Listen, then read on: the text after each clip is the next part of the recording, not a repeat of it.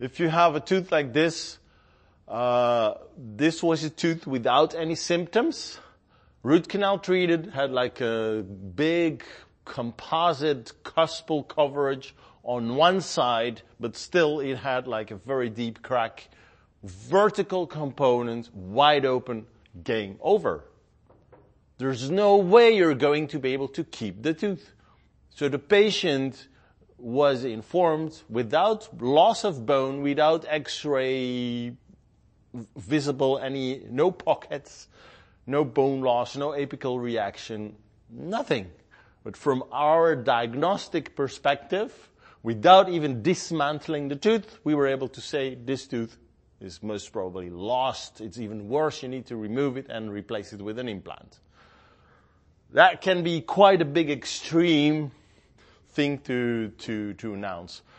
Now the thing is, if you have a vertical component like this, that might go along a full root length, even though there has been an occlusal overlay, an onlay, an immediate dentin sealing, and the approach that you would want for your own tooth, still things can go wrong. So I try to uh, actually to um, to think, to develop my strategy, and to develop my patient communication also based on two pillars. One is biology, and the second one is biomechanics or mechanical things.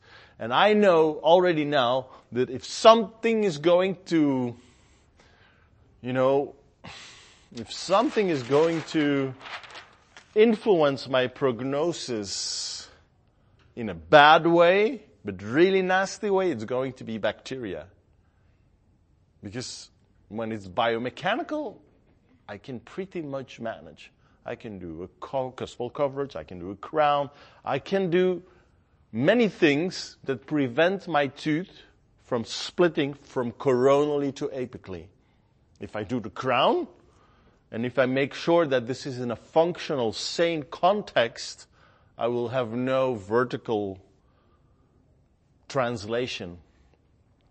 The vertical crack that might be there, like the one you see here, we don't have any control over it. Mechanically, biomechanically, even less biologically.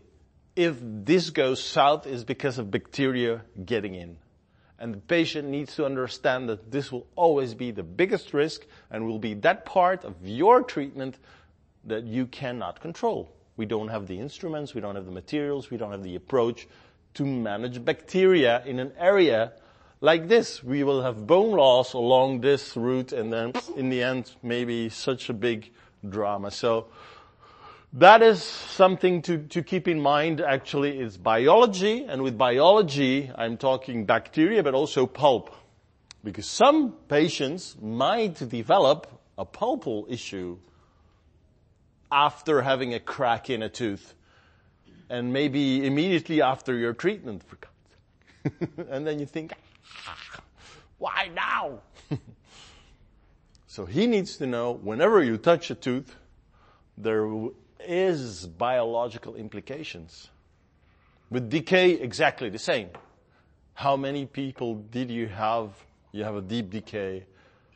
What can you do? You have to treat the decay. You have to remove the decay. You have to restore the tooth, but still they develop a pulpal issue. The same with cracks. So the risk is always there. So you need to address it and make them, make them understand that this is where you have the least control over. Biomechanics, great. We can do cuspal coverage, we can do crowns, onlays. We can, and this is key to understand, we can very nicely transform vertical load into, or let's, no, let's rephrase it. We can prevent vertical splitting and we can transform it into compressive forces. Could be occlusion management for a big part, but also what we do with an onlay and a crown is allowing all the forces to be compressive.